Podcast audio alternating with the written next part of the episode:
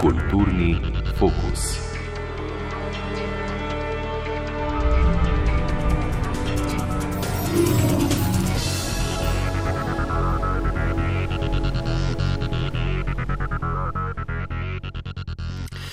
19. marca 1962 je Kolumbija, tisti čas največja glasbena založniška hiša v Združenih državah Amerike, brez posebnega pompa ali ambiciozne promocijske strategije izdala novo ploščo. Šlo je za slabih 37 minut dolg prvenec malo znanega, še ne polnih 21 let starega pevca in kitarista iz severnih zakotji Minnesote. Ta akustični album, na katerem so si tradicionalne balade iz škotskih višavi, za tisti čas sicer nekoliko nepričakovano, podajale roko s črnskim bluzom z nabrežji Mississippija, je javnost večji del spregledala in Kolumbija je v prvem letu menda prodala vsega 5000 njegovih izvodov. Pa vendar, spoštovane poslušalke in cenjeni poslušalci, 60 let pozneje temu dogodku, ki takrat sploh ni bil dogodek v pravem pomenu besede, posvečamo nocojšnji kulturni fokus. Zakaj? Zato, ker je šlo za izid prvenca Boba Dilana. Plošča, ki jo je njen avtor, nikakor ne posebej imaginativno, naslovil preprosto Bob Dylan, tako stoji na začetku izjemnega opusa, prav mogoče najpomembnejšega umetnika, ki je vzniknil v polju popularne glasbe druge polovice 20. stoletja. Pa so tisti, ki so marca leta 62 album kupili, mogli zaslutiti kaj takega? Je bilo v 13 pesmih uvrščenih na ploščo mogoče prepoznati genialnega duha na delu? Ali lahko, če si album predvajamo danes, že tam najdemo kakšno izmed odlik ali prepoznavnih, tipičnih potez, ki so sčasoma postale zaščitni znak Dilanove umetnosti? To so vprašanja, ki nas bodo zaposlovala v pogovoru z enim naših najboljših poznavalcev ameriškega barda, Andražem Gombačem, sicer urednikom kulturne redakcije primorskih novic in sploh prvim slovencem, ki je na Ljubljanski filozofski fakulteti diplomiral iz Dilana. Gospod Gombač, lepo pozdravljeni, dober večer. Dober večer, Goran, eh, hvala za povabilo, ampak eh, nikar me ne predstavljajte kot eh, enega največjih poznavalcev, ker potem zamrznem in eh, ne vem več ničesar, ne samo o Bobu Dilanu, ampak niti o sebi. Dajmo reči tako, da sem ljubitelj njegove glasbe in da ga spremljam kar nekaj časa. Prav bova sodbo o vašem poznavalstvu prepustila najnim poslušalkam in poslušalcem. Ne? Zdaj, John Baez, ne, ki je bila v zgodnih 60-ih letih eh, že glasbena zvezdnica, je pred nekaj leti v intervjuju pripomnila, da je Dylan pravzaprav prišel na newyorško glasbeno sceno kot nekakšen meteor, ne, iz teme, od nikoder in eh, zažaral v polnem sijaju. Ne. Ampak to seveda je samo metafora. Dilan nedvomno je od nekod prišel in me seveda zanima, odkot na tanko. Da imam prednost, ko že omenjate John Baez, naj povem, da sem imel to velikansko čast govoriti z njo, narediti intervju. V Ljubljani, ko je bila v Hali Tivoli, mislim, da je bilo leta 2007. Eh, takrat sem že tretjič eh, poslal prošnjo za intervju z njo. In res v tretje gre rado, ne samo v Sloveniji, ampak tudi v Ameriki. Njen menedžer mi je takrat ugodil, ne, dal mi je deset minut pogovora z John Baez v zaodrju Hale Tivoli. In no, dobil sem res tam, pričakala me s svojim tour menedžerjem. In uh, ta pogovor se je pa razvil potem v pol ure, medtem ko je ona večerjala ne, pred koncertom, uh, sva klepetala o marsičem, ne tudi o Bobu Dilanu, ampak ne, mislim zlasti ne o njem, no samo dve, tri vprašanja so bile o njem, ker jo zelo cenim kot uh, samostojno avtorico, kantautorico, uh, torej ne samo kot uh, nek privesek v neko opombo v Dilanovi biografiji. Ne. In zanimivo, John Baez je bila pred Dilanom zelo popularna, ne, torej kraljica Folka, ne so imenovali, leta 1959 je izdala, torej dve leti pred uh, Dilanom, uh, svojo prvo ploščo. pa 60, leta 60 zelo močno ploščo. In um, Dilana na svojih nastopih predstavljala občinstvu, ne, poslušalcem je govorila: Poslušajte ga, seveda, njeni poslušalci niso bili vajeni eh, Boba Dilana, ona je bila vendarle uglajena, lepo je pela, ne, s tem sopranom svojim ne, in eh, kitaro lepo igrala, ne, ubrano, on je bil pa tak boemski, ne, pel je za eh, poslušalce John Baez na robe, ne, in ona je rekla, poslušajte, kaj vam ima povedati ta fant, ne, on ima veliko povedati in je dejansko potem uh, on uh, nekako na tej njeni odskočni deski tudi zaslovil. Ne. Potem se tudi uh, grdo obnašal do nje, ne, uh, ko je njegova slava prerasla njeno. Ne. Ni bil najbolj fer, ne, se pozneje se tudi nekako opravičil v tistem znamenitem Skorsezevem dokumentarcu leta 2005, je tudi povedal, da pač ni bilo, ni se najboljš obnašal. Ne. Eh, tako je, ja, odkot je Dilan prišel? Dilan je prišel, hm, lahko bi odgovorili, eh, iz tradicije in iz Minnesote. Ne? Eh, Dilan prihaja iz uh, severnega dela ZDA, ne iz Minnesote. Zanimivo, ne? kdaj se mi dva pogovarjava, 60 let njegove karijere, največji ameriški kantautor, mogoče nekateri pravijo največji umetnik 20. stoletja, ne naše dobe. Ponos Amerike, ampak že po detku, babici pa po obeh straneh evropejec, ne samo evropejec, vzhodnoevropejec.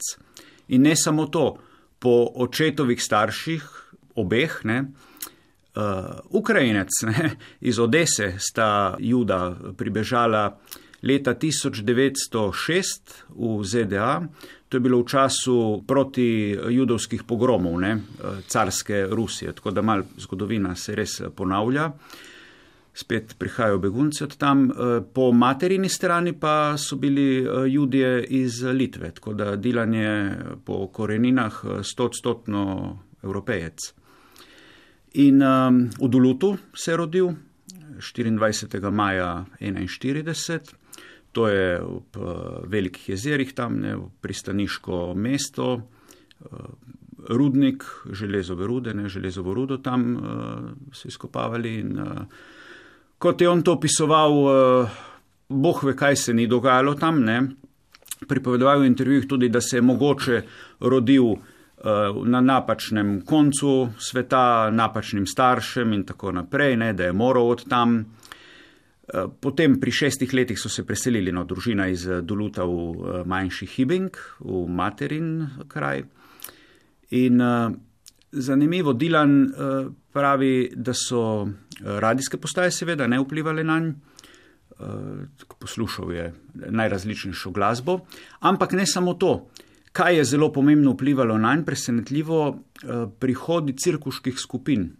To, tam je on videl te, to so bile take uh, sejmi, ne, sejmi pa nastopi raznih posebnežev, spačkov in tako naprej. Vabili so, pridite pogledat, takega še niste videli, takšnega pritlikavca, takšne ženske, ne vem s čim pa in tako naprej. Uh, Rekl je, tam je tudi videl prvič te zgodovinske osebe, recimo Napoleona, pobarvanega v črno in tako naprej, ne, s temnim obrazom. Ne. Eh, to je, zakaj govorim to? To je pomembno, ker on je tam prvič videl to, kako je mogoče eh, stvarnost uh, preoblikovati, ne, torej z domišljijo. In uh, pozneje je tudi ta karnevalski duh ne, uporabil v 70-ih letih v tej Rolling Thunder Review, ne, uh, turneji. Veliki, to je bilo ogromno ljudi na odru, ne, glasbenikov in so tako naredili, to je bilo nekakšna mešanica koncerta, gledališča, spektakla, karnevala, ne, vse mogoče. No, um, njegov oče, Abraham, je imel to, no, trgovino z uh, belo tehniko ne, v, tam v Dulutu in uh, potem je Dilan nekako bil tudi predviden, da bo nasledil to, ne, uh, da bo nas tam tudi on delal, ne, ampak to seveda mu še zdaleč ni uh, ni dišalo. Ja, seveda, ne, je že moral zasledovati klic uh, svoje muze, ne? ampak v tem kontekstu moramo vprašati tole zdaj. Rodil se je leta 1941, bil je ravno prave starosti, 14-15 let, skratka, ko so v Memphisu, v Tennesseeju, ne, uh -huh. začeli snemati. Elvis Presley, mm -hmm. Karl Perkins. Pri založbi Sun. Ne, tako, pri založbi Sun, uh, Johnny Cash. Ne. Zgodila se je ta velika revolucija, rock and roll. Mm -hmm. uh, bil je v najboljših letih za to, da pač postane tudi sam izvajalec rock and rolla. Mm -hmm. Ampak, uh, ko se nam predstavi. Recimo sedem let pozneje, leta 62, s tem prvencem Bob Dylan, ne, tu ni govora o kakšnem rock'n'rollu. Tukaj imamo pesmi, ki so stare desetletja, stoletja, celo ne mara. Ne? Um, odkot ta kontraintuitiven interes za ne to, kar se je dogajalo v njegovi neposrednji zdajšnosti, mm -hmm. ampak za ne, ta dolgi rok uh, trajanja ljudske glasbe. Mm. No, recimo Jim Vincent, ne, tudi ga je pritegnil med prvimi, pa Buddy Holly, ne, bil je celo na koncertu Buddyja Hollyja, ne, veliko prezgodaj preminulega glasbenika ne, in je potem pripovedoval, da ga je pogledal Buddy Holly, da je to videl med občinstvom, ne, tako en tak stik bil. Eh, najprej, seveda, najprej ga je rock and roll pritegnil ne, eh, kot mladega odraščajočega fanta. In je tudi igral, um, imel je nek uh, band uh, Golden Chords, ne, zlati akordi, uh, je igral kot srednji šolc. In uh, pozneje enega, kar kože znanega, ki je imel tudi en um, hit, um, to je bil Bobby V, ne, Suzy Baby je bila ta uspešnica. Uh, tam je pa igral klaviature, ne, klavir. Ne. Zanimivo, če sem si prav zapomnil, je on pa njegov brat sta oba hodila k lekcijam klavirja. In uh, ta uh, učitelj ali učiteljica, zdaj ne vem več v spominu, je rekel, rekla uh, staršem, da ima brat ima bolj smisel ne, za klavir, ker ta uh, Robert, ne, Robert Allen Zimmerman je njegovo. Uh, Pravo ime. ime. Pravo ime, no, no pravo je, ja, prvo ime. um, da pa toče ne, po tem klavirju, tako mal brez občutka. Ne. No, on je tudi, ko seveda v rock and roll uh, stilu je to igral uh, tale klavir, ne, tudi z Bobjem Vijem, kot uh, Elston Gunn je bil njegov nadimek. Tolko je po klavirju, ker je zanimivo, da se potem pozneje, mnoga leta pozneje vrnil ne, in eh, danes tudi v glavnem uh, igra klavir, ne, zdaj na aktualni turneji po ZDA uh, samo klavir ne, in orglice, ne seveda.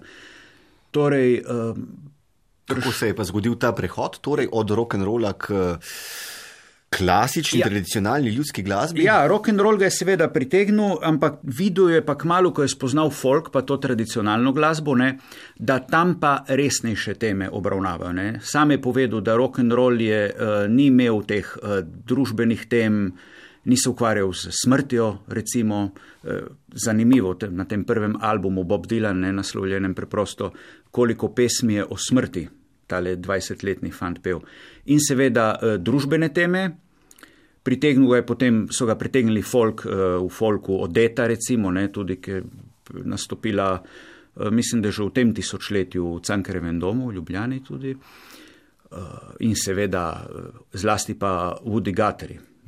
Ta ga je pa tako počla ta glasba Woody Guthrieja, da je videl, kaj je mogoče narediti samo s kitaro. Ne? To je seveda Udigatri, znameniti levičarski aktivist, ne? folk pevec, um, vagabund, sindikalni borec, uh, borec za pravice poniženih in ražaljenih. On je imel na kitari napisano tudi tisto med drugo svetovno vojno, uh, ta stroj ubija fašiste, ne? ta napis znamenit. In um, tam je videl Bob Dylan, kako je mogoče resnejše teme obravnavati. Ne? In je takrat povedal tudi, da, govoril, no, da uh, ni vse samo v ljubezni, pa jaz ljubim tebe, ti mene ne in tako naprej, ne? ampak da je treba resnejše teme obravnavati, ki jih je. Pozneje se je vrnil tudi sam k ljubezni, ne pa pisal zelo uh, kompleksne teme. Ja, seveda, ne, ampak eh, skratka, očitno je hotel imeti širši tematski diapazon ali širšo tematsko paleto na razpolago, iz katere bo potem lahko pač črpal. Ne, ampak rodil se je, kot so ugotovila, ne, na severu Združenih držav, v Minnesoti.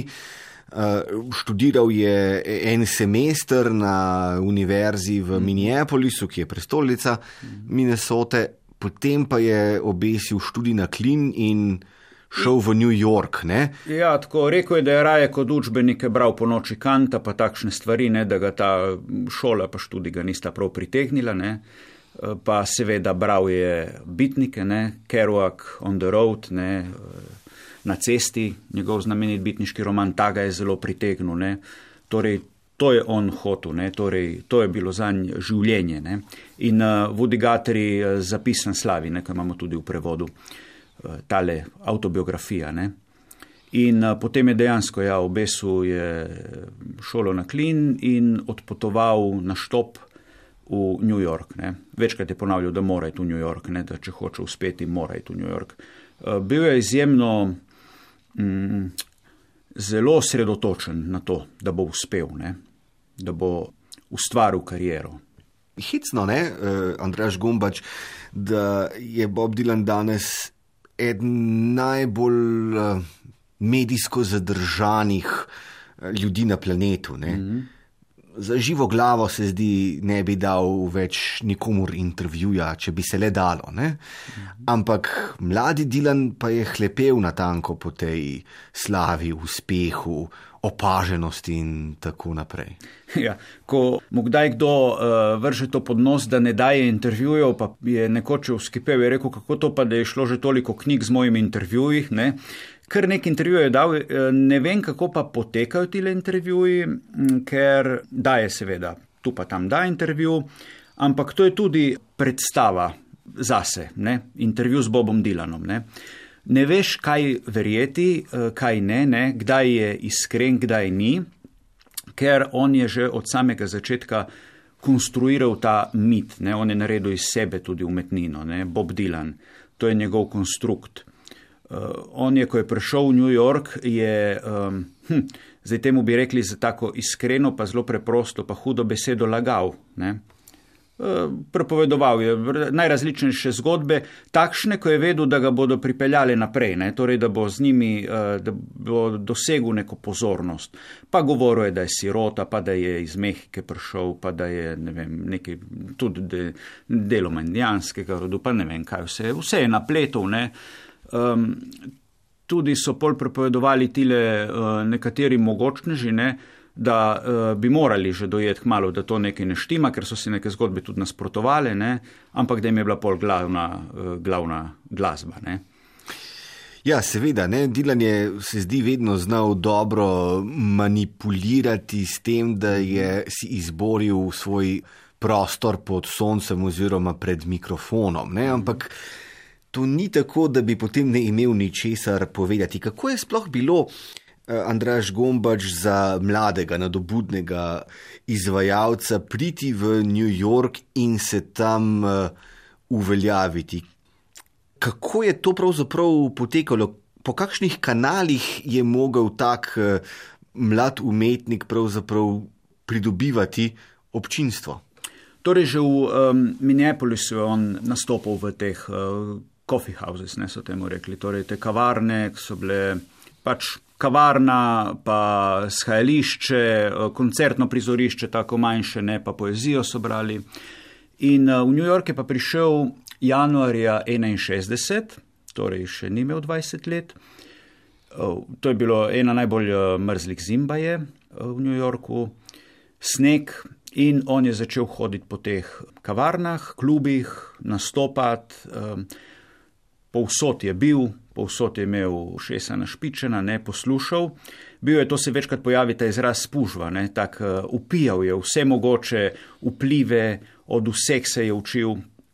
Tudi je mal, ne, tudi je mal melodije, ideje, uh, še danes to počne, ne, vedno je to počel. Uh, ni ravno zelo transparentno, kaj vzame, kaj ne, ne napiše tega ponavadi. Uh, Tukaj pred nekaj leti je njegova kantautorska kolegica Johnny Mitchell tudi eh, napadla v intervjuju in rekla, da je vse fake pri njem, ne, da nič pristnega ni. Ne. Ampak tu moramo mal uh, ločiti. Uh, moj profesor na primerjalni književnosti Lado Kralj nam to mi je zelo stalo v spominu, ko nam je predaval o umetnosti, pa o avantgardah, pa tako naprej, je poudaril večkrat to, da v umetnosti je pomembno tudi, kako ti tisto, kar si vzel drugim, skombiniraš, ne? kako narediš nekaj novega iz tega. In uh, Dilan je to odličen. Ne? On je tudi uh, melodije, kar drugim vzel. Recimo na tej plošči je House of the Rising Sun, znamenita pesem, in njegov kantautorski kolega Dave Van Ronk, torej nekaj let starejši od Boba Dilana, je imel to pesem v svojem repertoarju, koncertnem. Bob Dylan jo je slišal in je vzel njegovo, njegovo verzijo, torej kot jo je igral Dave Van Ronk, to pesem. In uh, pozneje pravi, Dave Van Ronk je prepovedal, kako je srečal Dilana in mu Dilan pravi, ah ja, bi te motilo, če bi jaz to pesem uh, House of the Rising Sun posnel za svojo ploščo, ne, prvo. Pol Dave Van Ronk pravi, ja, jaz sem pač mu povedal, ne, da mal nerodno bi bilo, ne, ker bi jo tudi jaz rad izdal na svoji plošči, ne, naslednji. In pol je Dilan rekel, uf, to je pa zdaj res nerodno, ker jaz sem to že posnel, ne. torej, to bo išlo na moji plošči, ne. In potem uh, Dave Van Ronku seveda ni bilo prav, ker ko je on igral to lastno uh, verzijo House of the Rising Sun ljudske pesmine, je uh, rekel, ah, občinstvo je nergalo, ne, kaj kradem Dilanu, ne jemljem njegovo pesem. Ne? Ampak pol je rekel, usoda je pa pravična, ne? ker potem, ko so pa The Animals leta 64 posneli to svojo veličastno uh, bendovsko verzijo ne? z orglami Alana Pricea pa glasom Erika Burna ne? in tako naprej, uh, so pa Dilanu, bi rekel mu kdo, ne pač, da krade Animalsom. Ne? Ja, bumerangi letijo in Tako. se vračajo. Um, še... Je pa seveda John Baez uh, posnela še pred Dilanom, ne, leta 60 na svoji plošči je izdala House of the Rising Sun. Ne. V nekoliko drugačnem aranžmaju. Mm -hmm. Zdaj, tole moram vprašati, ko govoriva seveda o tej Dilanovi sposobnosti, da je bil kot neke vrste spužva, ne, da je -hmm. skratka hodil na koncerte vseh drugih izvajalcev uh, po teh newyorških majhnih prizoriščih, mhm. kavarnah in tako naprej. Ne?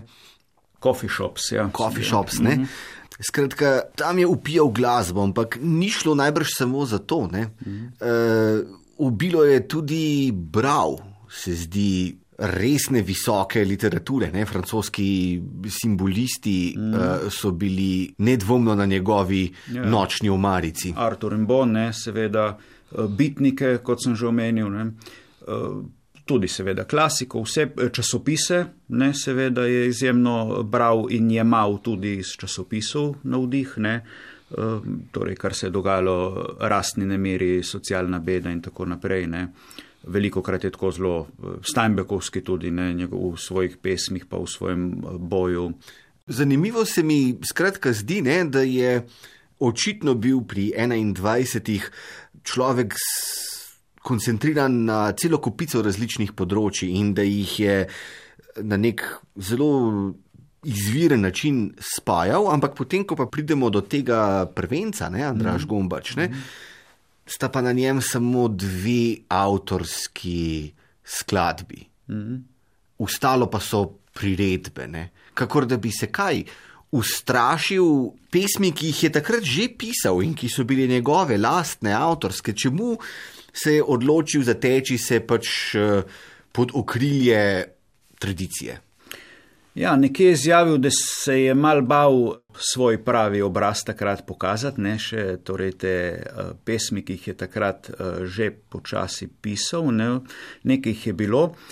Uh, Imel je seveda to Song to Woody, ne, to je pesem za Woodyja Gatrija, ki jo je napisal na melodijo Gatrijeve, uh, 1913 Massacre, ne, torej uh, iz leta 1913. To je bila zgodba, ki jo je Woody Guthrie napisal na osnovi resničnega eh, dogodka, tragedije, ko so v neki italijanski dvorani v ZDA um, na božični zabavi uh, do smrti poteptali množica, ne, torej prestrašena, uh, mislim, da 73 ljudi, tudi otrok. Eh, ker je nekdo zaupil eh, požar. Potem je zavladal preplah in eh, množica je poblaznela. In končalo se je tako tragično, ne pozneje pa so ugotovili, da tega požara celo sploh ni bilo. Ne. In uh, bile so neke špekulacije, da je šlo mogoče za sabotažo, ker to so bili sindikalna gibanja tam in no. Ampak uh, Dilan je to pesem uh, posvetil Vudiju. Treba je povedati tudi, da je Vudi Agaterja obiskal, on je šel v New York obiskati Vudi Agaterja. Ne. On je hotel tega svojega idola ne, spoznati osebno.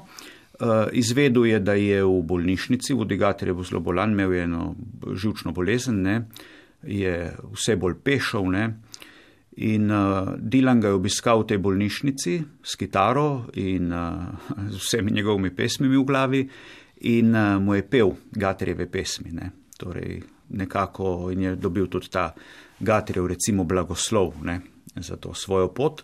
Eh, pesem je pa zanimiva, ker eh, se Dilan obenem poistoveti z Vudijem Gatrijem, ne, torej poje, kako jaz hodim tudi kot ti, ne, po poti in sem vagabund in pojem pesmi in se tako naprej. Ampak obenem eh, pa je zaznati to, da se zaveda, da je ta pot njegova, ne, ker pravi tudi jaz imam to težko potovanje, ne, nekega za sabo in še več pred sabo. Eh, no, in druga je pa Tokio New York, ne? to je pa zgodba o tem, kako je prišel v New York. Ne? Ti dve sta avtorski. Uh, ostale pesmi so pa mal tak čuden nabor je tega, folk, blues, gospel, ne, vsega je. Ampak uh, občutek imam, da če bi posnel nekaj dni prej ali pa nekaj dni pozneje, Bob Dylan to ploščo bi bila drugačna, precej drugačna. Ne? To je bila stvar uh, trenutnega navdiha, kot je večkrat pri Bobu Dilanu. Uh, večkrat se ravna po nekem trenutnem navdihu, ki ga veliko krat niti ni mogoče pojasniti, najbrž ga niti sam ne razume čisto, ker značilno za njega je, za njegovo diskografijo, da zadnja leta, ko dobivamo te tako imenovane bokse, ne, torej zabojčke z neizdanimi pesmimi iz različnih obdobij njegove kariere, so v teh uh, zabojčkih pesmi, ki jih je posnel za določen album, ni jih pa izdal. In veliko krat se zgodi, opazimo to, da so celo boljše pesmi kot tiste, ki jih je uvrstil na album. Ali pa recimo, če govorimo o istih pesmih, je izločil boljše verzije, pa dal slabše gorne. Tako recimo prva ena takšnih je bila Blind Willie McTell, da je to javnost, torej ta Dilanova javnost opazila. Ne. To je ena najboljših pesmi njegovih, pa je ni uvrstil na album Infidels, ne leta 83. In še veliko je takih primerov. In tu so tudi pesmi, nekatere pesmi je dal gor, ko so jih drugi peli, ne, pa jih je vzel tudi on, eh, nekatere sam imel rad. Ne. Eh, kar je pa, to pa mislim, da sem prebral pri Paulu Williamsu, to je en boljših dilanologov, ne, tako se imenujejo ti, ki študirajo dilana, strastno in uh, vseživljensko. Ta je opazil, da na tej prvi plošči, kljub temu, da so to folkovske, bluzovske, country pesmi, da jih Dilan igra uh, z nekim rock and roll občutkom. Ne? Torej, te verzije so izjemno silovite, močne, ne take zelo uh, močno igra kitaro, poje tudi strastno. Ne? Uh, ta Paul Williams pravi, to je tako, kot da bi je čutiti ta rock and roll njegove korenine. Prav vse spodbude, prav vsi vplivi, ne, se torej vse skozi zrcalijo v Dilanovem uh, delu. Ne? Ni tako, da bi pač eh, preprosto bil sposoben nekaj prerasti ali preseči in pustiti za seboj. Ne? Vedno gre za to, da se, se mi zdi, tudi ko gledamo zdaj, ne, 60 let pozneje, delovno opus v celoti. Ne? Vedno se mi zdi, da se vračajo in vračajo neki. Odmevi, navezave, citati, aluzije na nekaj, kar se zdi, da je ne mara doživel pred 50, eh, 60 leti, in nobena preteklost ni zares pretekla mm -hmm. v Dilanovem opusu, nekaj takega. Kaj ne? mm -hmm. Ta album pa je kar hitro pustil za sabo, ne, ker je šel že pač proti drugemu Free Will in Bob Dylan. Ne, to je ta album, ki se seveda začne z uh, veliko, eno najslavnejših pesmi Blowing in the Wind. Ne. Naslednji mesec aprila bo imela, eh, bomo praznovali pa 60. obletnico prve izvedbe, torej že mesec za eh, izidom prvega albuma je on že eh, na koncertu premjerno predstavil Blowing in the Wind. Ne. Izjemno hitro se je razvijal in potem seveda na tem Free Willinu še pesmi kot so Masters of War, Hard Rain's Gonna Fall, Don't Think Twice It's Alright, torej take klasike, ki še zdaj na koncertih uh, živijo, ne, torej, ki so del njegovega železnega repertoarja. Medtem ko na tej prvi pa domala nič, recimo jaz sem bil na 38 koncertih Boba Dilana v 20 letih, pa nisem še ene z te prve plošče slišal. Ne. Recimo igral je, um, igral je House of the Rising Sun, ampak uh, samo ko je bil v uh, Newcastlu, ne, v kraju The Animals, skupine The Animals je to igral kot poklon njim, ne? ampak rariteta, res uh, težko slišati to. Potem mislim, da je igral uh, Men of Constant Sorrow, je igral pa takrat, ko je bil tale. Mm, Nekako uh, revival, uh, ponovna obuditev uh, Bluegrassa z filmom Bratov Cohen, O Brother, Where Are Thou? In tam je bila ta pesem zelo um, pomembna, ne? tam jo pojejo, tile. to je film, ki igrajo torej George Clooney, John Turturro, John Goodman, ne? bil z Oscari nagrajen film, ne? tudi tale ploščane soundtrack. In uh, tam pojejo to pesem. Ne? In mislim, da jo je takrat potem dal, ampak uh, koncertni repertoar za nekaj časa delan, ampak uh, tako ostro, popolnoma drugačno verzijo. Ne? Torej, kar počne vedno ne? in je počel že v 60-ih letih. Torej, Povedati je treba, da on je takrat podpisal pogodbo, petletno pogodbo, ki se je Kolumbiji zelo obrestovala, seveda. Ne. Eh, nenavadno je bilo to, da je Kolumbija sploh eh, podpisala s takim avtorem, ker Kolumbija je imela eh, bolj take. Um, Torej, takih je snemal tudi Mitch Mitchell, je rekel, da to so bili pevci, ki so lepo peli, ne imeli lepe polne glasove in uh, elegantni. Potem pa mu je pripeljal John Hammond, ne, torej legendarni menedžer, uh, mu je pripeljal tega Boba Dilana, ne, takega potepuha z uh, kitaro, orgelcami, s tako Huckleberry, fin kapo, ne, imel to žametno, s katero na naslovnici. In um, John Hammond ga je na snemanju um, Carolyn Hester, ne pevke, videl. Boba Dilana, ki je igral. Dilan je igral kot tale session uh, muzikant, torej na, za druge, ne, v studijih, uh, orlice uh, praviloma. In uh, tam je pritegnil Johna Hammonda, ki ga je pripeljal Meču Mičelu in uh, so potem no, Kolumbija izdala ta album, podpisala z njim petletno pogodbo. In pomislite, v petih letih je Dylan izdal sedem albumov in to v glavnem tako prelomnih, ne, da je pač uh, ne samo tok uh, popularne glasbe spremenil, ampak. Um, tudi eh, svet ne, zaznamoval. Ja, seveda, ne, v, v, tako rekoč vsi albumi po tem prvencu, ne, od The Freewheeling Bob Dylana do Blond on Blond ali celo še naprej, ne, do recimo John Wesley Harding in uh, Nashville Skyline so pač kanonizirani ne, mm. kot absolutno nepogrešljivi uh, dosežki v kontekstu rock ali popularne glasbe. Ampak tisto, kar je nenavadno, ne, je to, da se Kolumbija vendarle ni ustrašila po neuspehu, relativnem neuspehu te prve plošče. Ne. Prav tako bi lahko rekli, eh, gospodila, najlepša hvala za sodelovanje, ampak eh, tole se očitno ne bo išlo, pa so ustrajali z njim tudi do naslednje plošče, ki je kot ste rekli, Andraš Gombač potem pripeljala to prvo letino. Dilanovih klasik z Blowing in the Wind. Ja, imel je tudi kar nekaj uh, močnih zagovornikov, ne en je bil gotovo Robert Shelton, ne glasbeni kritik uh, pri New York Timesu, on ga je zelo tako uh, dvignil, ne je rekel, prepoznal. No.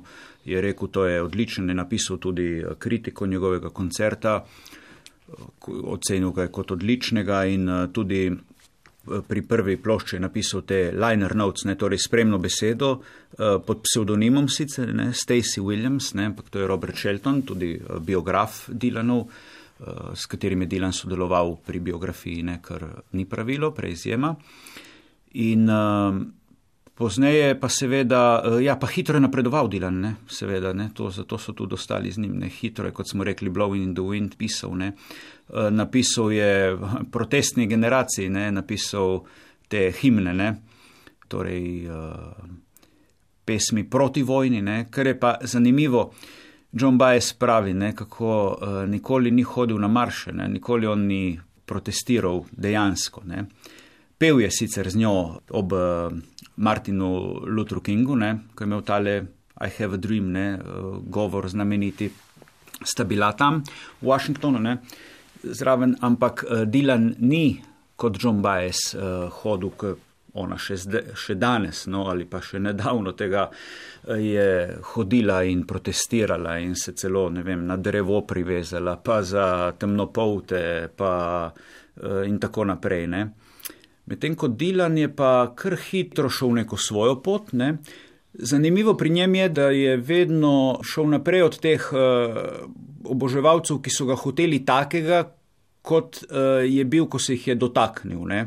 Torej, uh, najprej folk, kot eh, folk pevca, so ga sprejeli in potem, ko je šel on v, najprej je seveda še akustičen, začel pisati o ljubezni, pa o nekih fantazijah, ne Mr. Tambourine Man, pa eh, It and Me Babe, ne, tudi se jo lahko jemlje kot eh, nisem jaz punčine, seveda, torej ženski, ali pa tudi poslušalcem, ali pa komorkoli, ne, nisem tisti, ki ga iščeš, ne. To je on večkrat večkrat govoril, ne, da uh, mislite svojo glavo. Ne, podobno kot v tistem filmu Monty Pythonu, Life of Brian, ne, ko pride Brian na okno pa reče njim, uh, vsi ste individualci, ne, individualisti, vsi ste posamezniki, edinstveni, ko pa množica vseh krati soglasno zapovejo, da vsi smo ne, posamezniki. Ne. To je on večkrat prepovedoval. In pozneje se je pa od, uh, torej še glasbo, ne, spremenil takoj zatem, ne, torej šel iz akustične v električne, imel celote koncerte, kjer je bila prva polovica akustična, druga električna, torej spremljali so ga The Hawks, poznejši The Band, ne, tudi zelo velik, eh, premalo znan uh, band. In uh, takrat so bili tudi odzivi. Uh, niso bili samo odklonilni, bili so odklonilni in eh, navdušeni. Ne? Torej, to se je zelo prepletalo. Ne? Nekateri so trdili, da je bil dober v prvi polovici akustični, potem da je pač ne, ker to je pop. Ne? Pa eh, en, en posnetek obstaja zelo dobro, ko hodi občinstvo ven iz eh, dvorane in uh, se pričkajo ne, pred kamerami tile oboževalci. In nekdo pravi, ne, dober je on, ko je folk, ko je akustičen, ne pa ko piše protestne pesmi, ne pa to z bendom, ko igra tale komercialni pop in tako. Ne, pa en drug reče, pokaži mi bend, ki igra tak, tak komercialni pop, pop, tak ja. komercialni pop še ne. Mm, dejansko je Dilan, kot sva govorila na začetku, da je eh, pobiral različne stvari, ne, znane, to je res, ne, je nekaj tu pobral, nekaj tam, eh, dal seveda veliko svojega tudi, ampak iz vsega tega skupaj je naredil nekaj, česar svet dotlej še ni slišal, ne. Tega ni bilo. Ne. Torej, on je združil tako Elvisa Prislija, Badja Holija, Budja eh, Gaterja, Jacka Kerouaka, Artura Rimboja, torej zapleteno poezijo, tudi lahek pop, živahen, rock and roll, uh, folk. Uh, recimo njegova punca Suzrotolo iz tistega časa, punca uh, italijanskih korenin, ne, uh, je, ona je delala v uh, nekem teatru in on jo je spremljal tja in je poslušal, kako vaje za brehta. Ne, in slišal pesmi Brehtove, naprimer uh, Pirate Jenny, mislim, da je v prevodu Ervina Frica Gusarska Jenny, je to slišal in je rekel, to je navdahnilo njegovo When the Ship Comes In. Uh, torej, vse to je nekako neko novo uh, umetnost ustvarilo, tako polnokrvno seveda in uh, vrhunsko. V tem kontekstu, Andraš Gombač, bi rad vprašal še tole. Ne?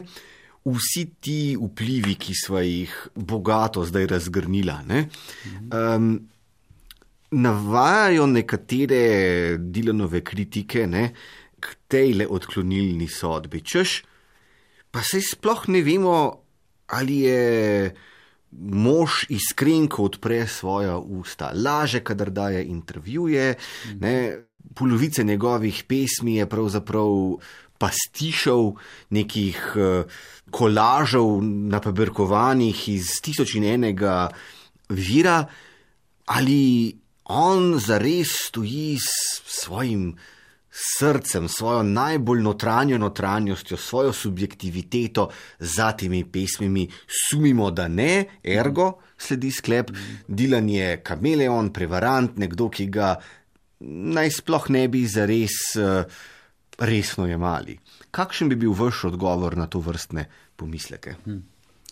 John Baez je nekoč dejala, da če delano dopustiš, seže zelo, zelo globoko vate. Ne?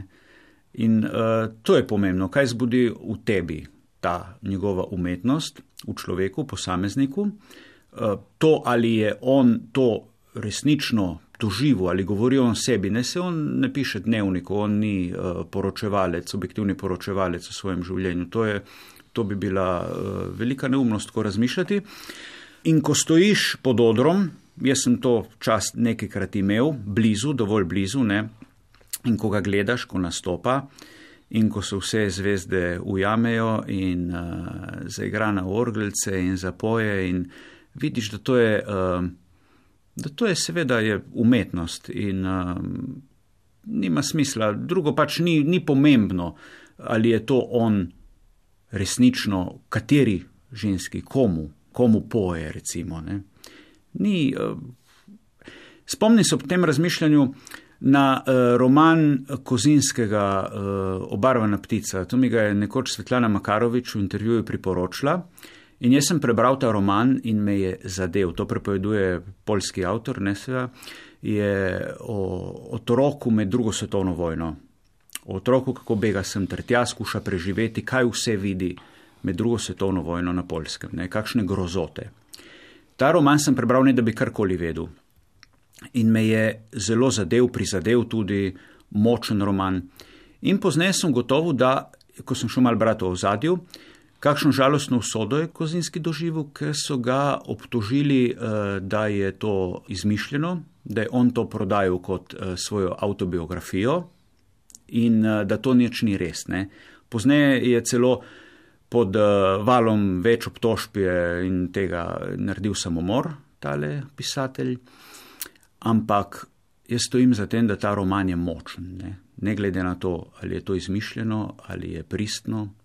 In uh, na to večkrat pomislim tudi ob uh, Bobu Dilanu, ne, kaj je on, recimo, da, prav bi bilo, da bi napisal tudi, recimo tudi na zadnji plošči ima False Prophets, uh, pesem, glasba ni njegova, ne. ampak to nikjer ne piše, ne, ne piše, da je to pobrano od kodarkoli, zmeraj piše Words and Music by Bob Dylan, ne? kar seveda ni res, ampak um, umetnost je pa vendarle močna. Ne?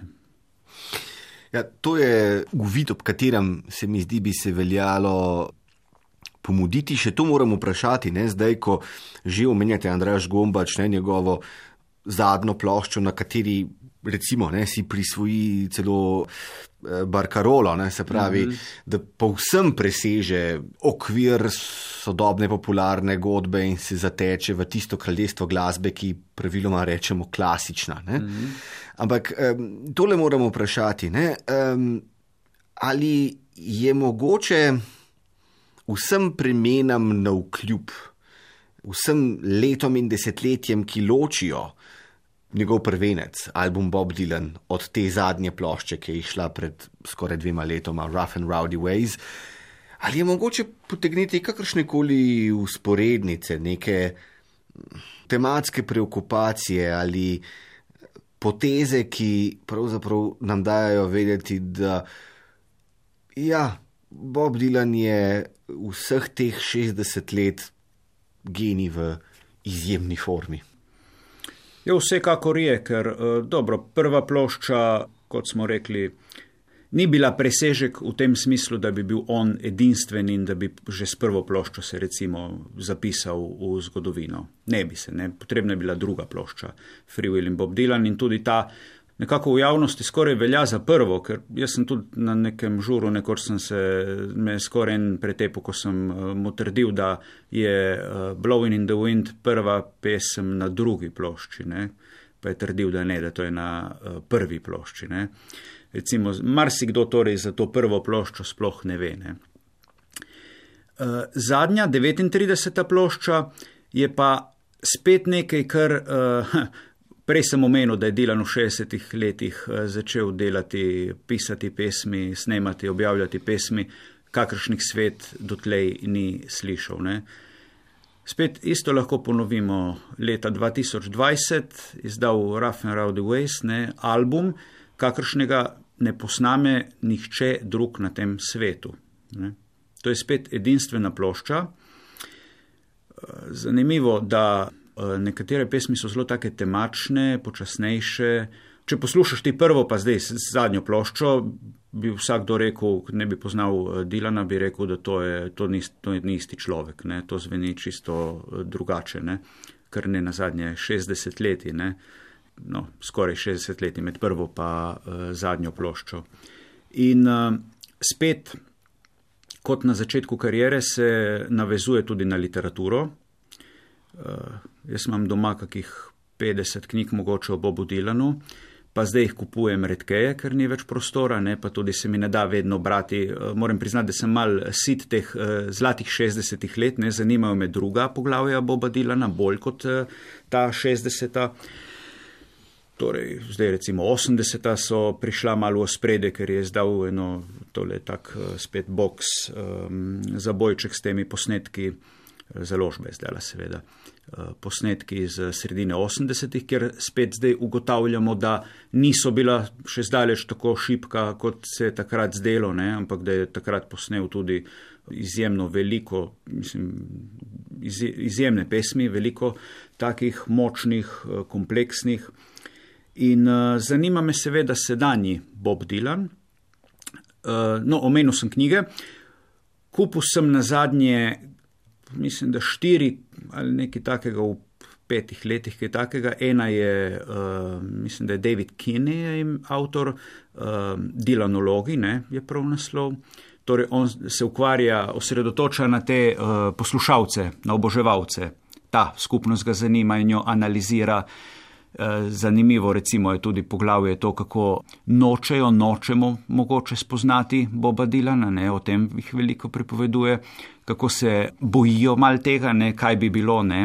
Ena zgodba je recimo, kako je ena oboževalka na ogromno koncertov Dilanovih šla in med vračanjem z koncerta ga je uh, srečala na vratih uh, črpalke, kjer se ustavlja, ne.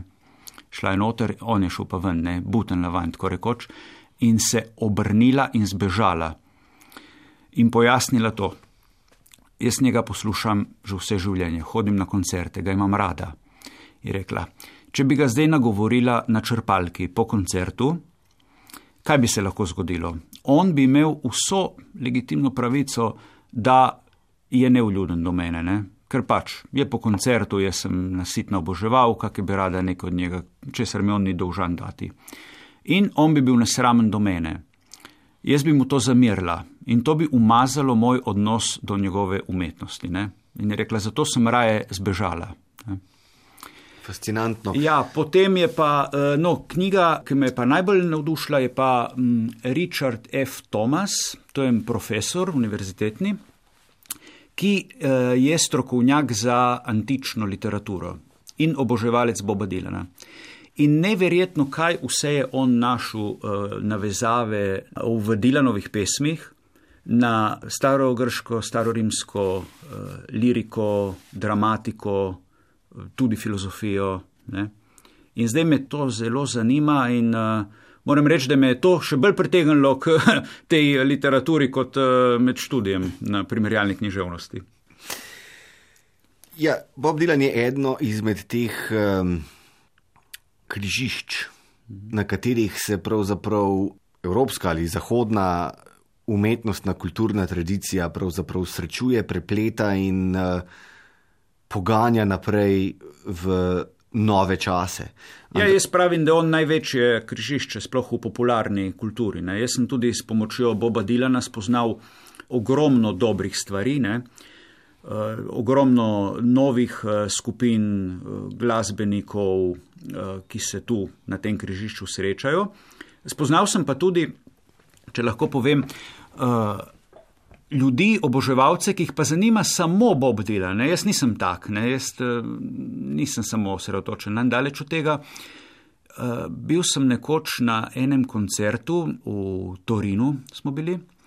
In uh, prej sem, no, jaz grem večkrat, sem šel na te turneje, tako, na tudi največ je bilo na osem koncertov, ne nekoč um, leta 2005 za ogrevanje Bologna, Milan pa uh, München.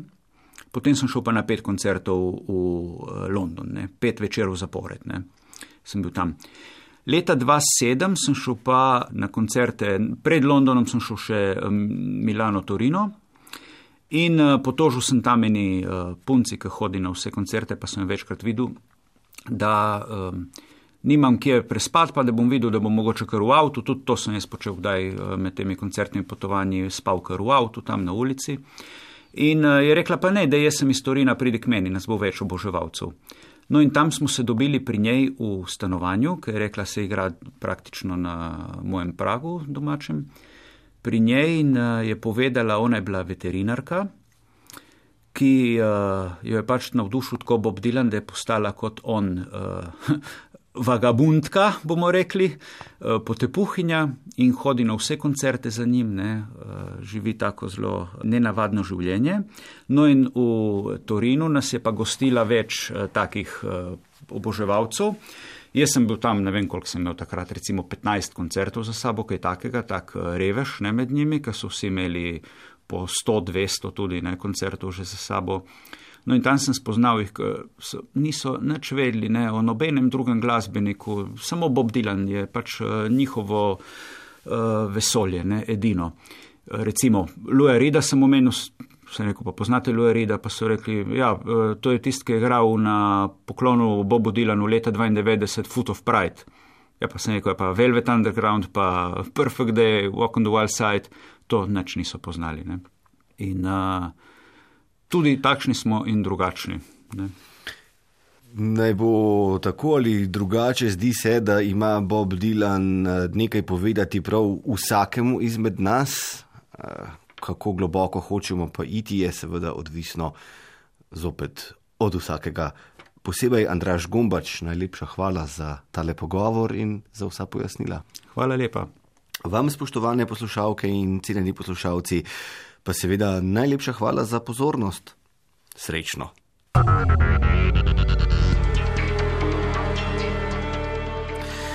S tem smo prišli do konca tokratnega kulturnega fokusa.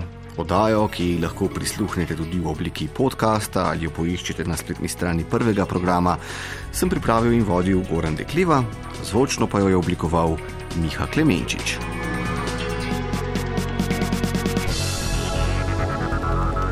Kulturni fokus.